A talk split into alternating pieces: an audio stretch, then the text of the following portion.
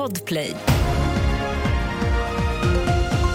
Och nyheterna börjar med oljeutsläppet utanför Blekingekusten. Kustbevakningen utreder brott mot sjölagen efter att passagerarfärjan Marco Polo började läcka olja igår morse.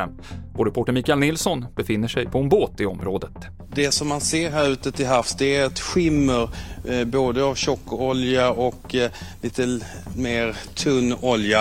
Eh, Lukten är kraftig dessutom och lite längre ut här så ligger Marco Polo eh, på grundet och arbetet där pågår just nu med att eh, säkra de eh, länsar som man har satt upp kring fartyget för att eh, på så sätt hindra det oljeutsläpp som eh, faktiskt fortfarande enligt uppgifter pågår. Mer om utsläppet på tv4.se.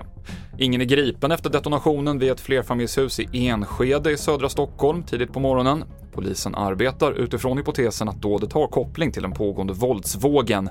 Ingen person ska ha skadats fysiskt.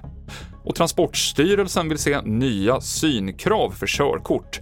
Ungefär tusen svenskar förlorar körkortet varje år på grund av synbortfall.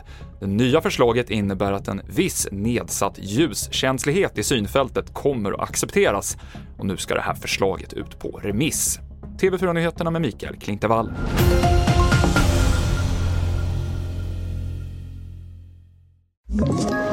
Ett poddtips från Podplay. I fallen jag aldrig glömmer djupdyker Hasse Aro i arbetet bakom några av Sveriges mest uppseendeväckande brottsutredningar. Går vi in med hemlig telefonavlyssning och, och då upplever vi att vi får en total förändring av hans beteende. Vad är det som händer nu? Vem är det som läcker? Och så säger han att jag är kriminell, jag har varit kriminell i hela mitt liv men att mörda ett barn, där går min gräns.